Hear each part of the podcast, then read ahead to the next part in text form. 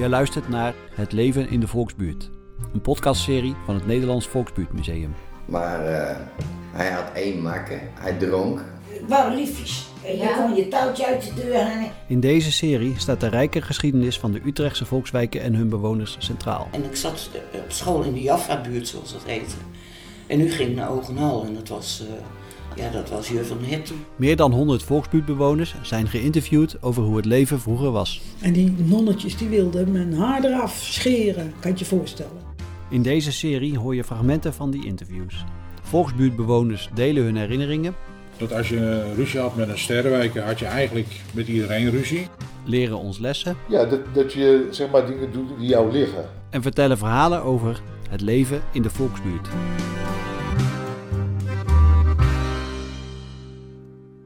Aflevering 1. Kerstbomenoorlog. We luisteren naar Cor Kriekaert. Hij wordt geïnterviewd door Maaike van het Nederlands Volksbuurtmuseum. Hij praat over opgroeien in armoede in de jaren 50 en 60 in een Utrechtse volksbuurt. Opname. Ja. Eh, dit is Maaike en het is vandaag 23 september. 23 september en ik ga praten met Cor. Ehm, en dan beginnen we eigenlijk gelijk met waar en wanneer u bent geboren. Ik ben geboren 23-1-1954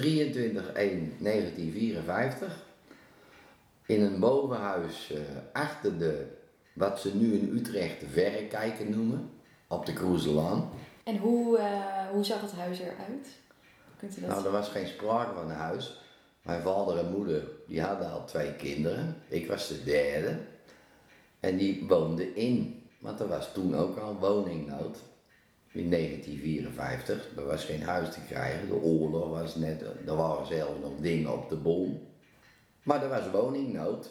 Dus mijn vader en moeder woonden bij mensen boven in een klein kamertje met twee kleine kinderen was, was geen toilet. Als die mensen visite hadden, dan kon mijn vader dan, die moesten door de huiskamer die mensen om naar het toilet te gaan. En als die mensen dus visite hadden, dan ging mijn vader buitenom, want er was een plat terras, een platje, zo noemden ze het in Utrecht. Zo'n terras met zo'n hekje erom. En dan liep mijn vader naar het station en dan ging hij daar naar de wc. En als ze s'avonds naar bed gingen, dan trokken ze de tafel, zetten ze over een eenpersoonsbed heen, van mijn broertje of van mijn zusje. En dan kwam mijn vader en dan, dan ging de tafel over het bed heen. En dan, anders konden ze niet slapen. Want, voor, want dan moesten ze ruimte maken met een opklapbed. Dus liepen mijn ouders toen. En zo ging dat toen in die tijd. Dus jullie waren met vijf mensen in één kamer. Ja, en daarna zijn er nog twee mensen bijgekomen, want ik heb er zelf maar drie maanden gewoond.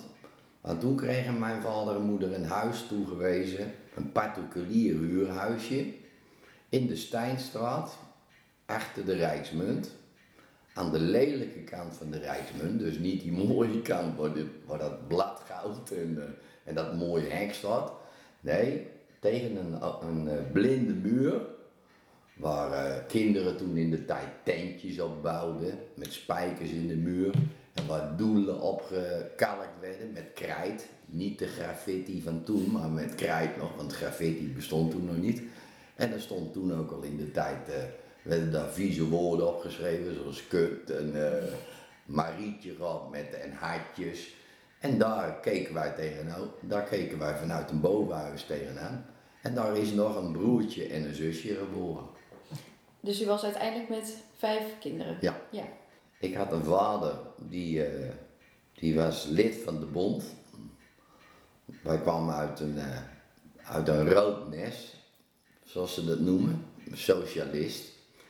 En eh, mijn vader was eh, heel erg voor de arbeiders, maar eh, hij had één makker, hij dronk, veel te veel. Mijn hele leven heeft in het teken gestaan van een vader die alcoholist was. En, en mijn vader ging de barricades op, ook voor zijn, voor collega's. En die had een hele grote smoel, zoals ze in Utrecht zeggen. Maar zijn werkgever die nam dat niet in dank af.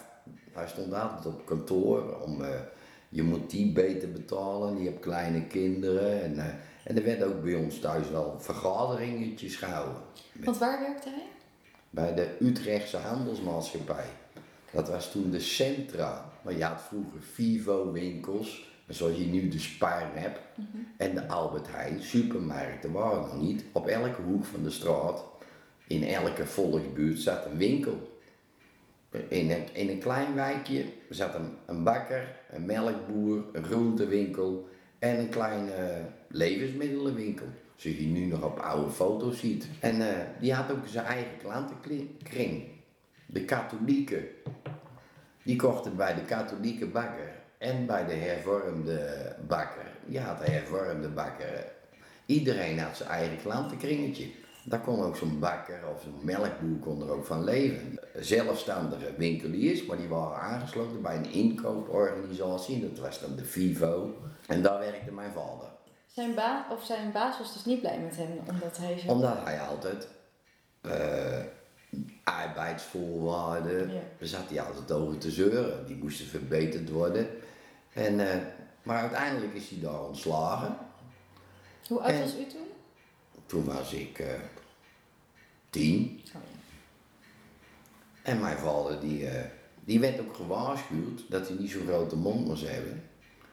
Eh, Maar uiteindelijk vloog hij er wel uit. En toen is er een periode begonnen met van werk naar werk. Toen is hij, bij, toen is hij op het station gaan, gaan lopen met koffie langs de treinen. En dan zei ze koffie. En dat ging aan de hand van suikerklontjes. Als mijn vader 20 koffie, iedereen gebruikte toen nog suiker. Niet zoals nu in de tijd dat ze aan de lijn dachten, maar iedereen gebruikte suiker in de koffie. En aan de hand van die aantal klontjes konden ze zien hoeveel koffie hij had ver- verkocht. En dan moest hij dan in die stationsrestauratie afrekenen bij zijn, bij zijn werk, bij zijn chef, die hoofd van die restauratie was. Daar zetten ze die koffie, dat werd in ketels gegoten. En dan ging hij met zo'n ketel. En als ze dan een goede omzet hadden gedraaid, en de restauratie ging dan dicht, s'avonds om 11 uur, dan, dat was dus horeca. En mijn vader was al gevoelig voor drank, dus dan gingen ze dan nog eens een keer zitten. Vooral als ze een goede dag hadden gedraaid met extra trein of vakantiegeld, dan hadden ze veel verdiend. En allemaal losse guldens in die witte zak, en daar kwam hij ook mee thuis. En als hij dan te veel gedronken had, en dan ging mijn moeder tekeer dat hij bezopen thuis kwam. En dan flikkerde hij dat geld met die kwant door, die, door de huiskamer heen. En dan liepen wij allemaal als kleine kinderen allemaal dat geld op erop. En dan gaven we dan aan onze moeder. Of we staken het zelf. En dan komen we de volgende dag naar de snoepwinkel. Ja, we lachen er nou om. Maar we hebben ook met ruzie van mijn vader en moeder. En mijn moeder hield van die man hoor. Mijn moeder is uiteindelijk van die man gescheiden. Toen ze op doktersadvies, omdat, het, omdat ze niet meer trok met die man, al 30 jaar, 40 jaar problemen met, eh, met ontslagen, alcoholproblemen, eh, financiële problemen. Bleef er genoeg geld voor jullie over? Nee, we allemaal armoede. Ja. Maar er was zoveel armoede in die tijd, in zo'n buurt. Er was veel armoede in de wijk waar Cor opgroeide. Maar de sociale cohesie was groot. De bewoners van de volksbuurten wisten van elkaar wat er speelde, hielden een oogje in het zeil en hielpen elkaar. Volksbuurt. Nou, het was ook een echte volksbuurt. Iedereen wist dat mijn vader dus wel van een borrel hield. En dat hij. eh, en iedereen wist bijvoorbeeld ook dat hij ontslagen was. Want vroeger zeiden ze: Hé, hey, Nico. Hij heette Nico. Eh, met Koninginnedag liep hij met van die petjes. Die deelde hij uit van de centra. Nou, jaar erop deed hij dat niet meer. Dus iedereen wist, waarom doe je dat niet meer? Ja, ik werk er al niet meer, ik ben er ontslagen. En zo, dat wist iedereen in de buurt. En hoe gingen jullie daar dan mee om? Vond, vond, u, vond, vond u dat vervelend? Weet u dat nog? Of Ik schaamde me eigenlijk over. Dat we geen geld hadden. Mijn moeder was blij als ze een oude stoel van de buurvrouw kreeg die afgedankt werd. Die er nog netjes uitzag. Had mijn moeder weer een nieuwe stoel. En zo, zo. Iedereen wist van alles. Iedereen wist, bij dat gezin speelt dat. Bij dat gezin speelt dat. Zoals het bij ons gez- gezin speelde dat mijn vader eh, dronk. En problemen met die drank had. En ook te veel verzoop, waardoor de kinderen leden. Maar het begrip eh, sociaal. Ja, dat was toen eh, ja, veel groter. Honderdduizend keer groter als nu hier. Wij werden ook opgevangen door de buurt. Oh, ja. En hoe ging dat dan? Wat deden ze dan bijvoorbeeld? Eh, dat je zaterdagavond bij, ik zat zaterdagavond, toen als jochie van acht, zat ik bij een ouder echtpaar. In de, op, de, op de muntkade. Die hadden een heel groot huis, een eigen huis. Dus die huurden niet, zoals die is verder in, in de straat.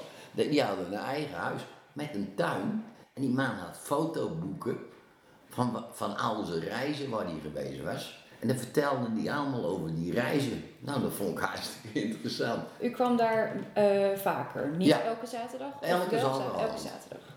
Die mensen waren van onze situatie op de hoogte. En die deden dan mijn moeder een plezier mee. Dat ik een zaterdagavond hier weg was, want dan hadden hun ook wat, wat meer rust. Want uw moeder was eh, altijd thuis eigenlijk. En Ja, hoe ging zij ermee om? Ons opvoeden heeft zij gedaan. hoe zorgden ze ervoor dat jullie wel genoeg eten hadden? Eh, hulp van anderen. ja. Mijn moeder heeft gezorgd dat we naar school gingen. eh, dat we ons huiswerk deden. Gezorgd dat we er netjes bij liepen. Dat niemand wat te klaar had. Eh, buiten het gewone gedrag wat elke jongen had. Als we peren hadden, kreeg natuurlijk. En ik ben ook met de politie in aanhangen geweest. Wij deden vroeger kerstbomenoorlog in zo'n wijk. Dat was ook een begrip uit Hoe ging dat dan? In elke, elke Utrechtse wijk, je had vroeger met de kerstdagen, had je nog geen kunstkerstbomen. Nou, een kerstboom, hoe, hoeveel eieren wij ook hadden, maar er was altijd een kerstboom. Met kerstballen en eh krentenbrood en... eh, en ik was bakker, dus ik kreeg van die bakker altijd met de kerst wel een krentenbrood. Dus wij hadden krentenbrood. Eh, en mijn vader, die werkte toen nog bij die Utrechtse handelsmaatschappij en die wist ook wel wat. Snaaien noemden ze dat. Ja, ja. Of het er allemaal eerlijk aan toe gaan, dat weet ik niet. Maar we hadden het wel. Maar die kerstboom had je niet zoals je nu Noordman had. Die dingen vielen uit bij het leven. Dus iedereen die deed na de kerst ging gelijk die kerstboom eruit. Die bleef niet staan zoals nu een kunstkerstboom. Die stond er in januari nog. Nee, die gingen toen allemaal de straat op. Mensen gooiden die kerstboom op straat. Dus er lag letterlijk, de hele straat lag vol. Kerstbomen haalden wij weg en die verzamelden we. Die gooiden we over een schutting heen bij, eh, bij een grote tuin, daar achter de Rijksmunt, of over een muur bij de Rijksmunt. Totdat wij de meeste kerstbomen hadden, want die werden oudejaarsavond. Midden op het kruispunt werden die in de fik gestoken. Maar andere buurten, die kwamen bij ons die kerstbomen, want die wilden, zoals ze nu speelt in Scheveningen, weet je wel, met, dat. Ja. met die vreugdevuren. Nou, dat was toen een begrip. En dan waren wij, vaak waren wij met de kerst, eerste kerstdag heb ik wel eens de hele dag met kerstbomen lopen slepen in de sneeuw. De eerste kerstbomen die we hadden, daar sloegen we de takken vanaf en daar maakten we knuppels van. Dan had je dus, ja het klinkt heel cru. En dan sloegen we aan het eind de spijker door. En dan gingen we met een maand of 40, 50, hoe groter dat leger was. Kleine jochies, grote jochies. De, de grootste waren 18. En wij liepen mee als jochie van 8. En als, als we genoeg bomen hadden, kreeg jij ook een knuppeltje, een kleintje. En dan liepen we de wijk in, een andere wijk in. De Verriebeekstraat, eh de Vleutenseweg. eh, Ja. dat waren allemaal beruchte wijken die allemaal hun eigen kerstbomen oorlog hielden. gingen ze daar stelen. En dan gingen we ze daar stelen. En degene die het brutaals hadden, die liepen voorop. En die slingerden met die knuppel. En dan was dat echt vechten.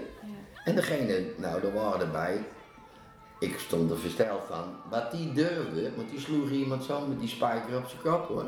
Voor die, voor die kerstboom. Ze hebben mijn broer wel eens aan, boven aan de brug gehangen. En dan zei ze, we laten je in het water vallen. Het was in de winter natuurlijk steenkoud, zwaar lag er nog ijs. Als die niet vertelde waar de kerstbomen lagen. En zo ging dat toen. Ja.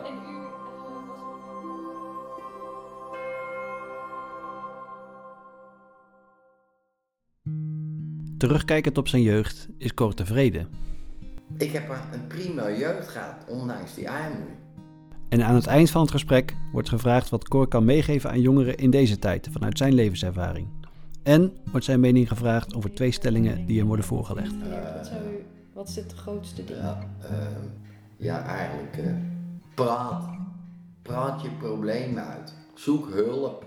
Eh, ja, zoek hulp. Niet als een drenkeling, maar doe je licht op. Eh, leer. Lees. Lezen. Mijn vrouw laat nooit een krant. Lees boeken. Als je boeken leest. Ik heb een opvoeding gehad, er werd er al vroeg ingestampt. Daarvoor vind ik het ook belangrijk dat je een goede algemene ontwikkeling hebt. Ik ga zo het gesprek afronden, maar dan heb ik nog eh, één, één vraag. En die heeft wat meer in de filosofische hoek. Dus eigenlijk zitten we wel eh, goed met dit gesprek. Ja. Ik ga u namelijk twee filosofische uitspraken voorleggen. Ja, Eh, en dan mag u mij vertellen welke van de twee u het meeste aanspreekt. Ja. Ze spreken elkaar namelijk een beetje tegen. Eh, de eerste is: De mens is een wolf voor zijn medemens. Mensen zijn vraat- vraatzuchtige figuren die van nature een gevaar voor andere mensen vormen als er niet wordt ingegrepen. Dat is de eerste. zo. Eh, Ja. En het tweede is: De meeste mensen deugen. Er gebeuren slechte dingen, maar de mens is geneigd tot het goede. Met die laatste. Ja? Ja. De eerste stelling, de eerste filosofie over die wolven Ja. is mij veel te hard. Ja. Eigenlijk kun je het samenvatten. Wie goed doet, wie goed, ontmoet. Ja. Maar dat is ook in een huwelijk zo. Als je, of in een relatie, als jij goed bent voor, voor degene waar je om geeft, dan is, degene ook, is diegene ook goed voor jou. Alleen, eh, wij komen allemaal uit andere doosjes. De een komt uit dat doosje en de ander. Hè? Wie jij bent, dat heb jij niet bepaald. Dat heb je omgeving bepa- bepaald. Ik weet nog, als jochie van zes werd er bij ons aan een tafel over alle onderwerpen. kwam ook omdat mijn vader uit die bond kwam. Wat is rechtvaardigheid? Eh, ja, en dat hebben wij allemaal wel. In de, als ik hier een verjaardag hou, dan komen mijn broers en zusjes. Wij hebben de grootste monden en allemaal politieke onderwerpen. Hier wordt niet over wasmiddel gepraat, of eh, hier worden flinke, dus mensen balen ervan, sommigen, die komen dus nooit meer op die verjaardag. Nou, dan komen ze niet. Maar ik, en ik ben ook een die wel eh, het vuurtje opstoken. Even een, eh, een stelling neerleggen. Ja, ja. Ik vind dat geweldig. Maar in de mensheid zit wat goeds. Maar, of zit een heleboel goeds.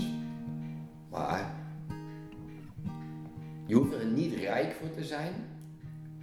Maar je moet er wel, je moet wel, eh, je moet een beetje kennis hebben van alles. En je ergens een beetje verdiepen. Wat zou je, jij, jij komt mij hier interviewen en dan zeg je, denk eens na over deze twee stellingen. Nou, mensen moeten dus ook eens meer nadenken over, wat is mijn stelling? Waar, waar sta ik voor? Denken, lezen en praten. Ja,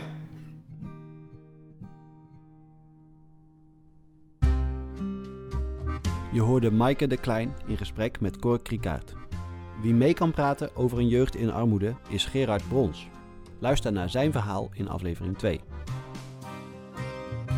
De podcastserie Het leven in de volksbuurt is een productie van het Nederlands Volksbuurtmuseum. Met dank aan Ingeborg Hoonsveld, Bart Verbeek, Jaap Hoeve en de provincie Utrecht. De podcast is gebaseerd op 101 interviews met volksbuurtbewoners. Interviews zijn in 2020 en 2021 uitgevoerd door medewerkers en vrijwilligers van het Volksbuurtmuseum. Uit deze interviews is ook een boek voortgekomen. Het boek Het leven in de volksbuurt is nu te koop. Kijk voor verkooppunten en meer informatie op www.volksbuurtmuseum.nl. En je bent natuurlijk van harte welkom in het Nederlands Volksbuurtmuseum op Waterstraat 27 in Utrecht Centrum.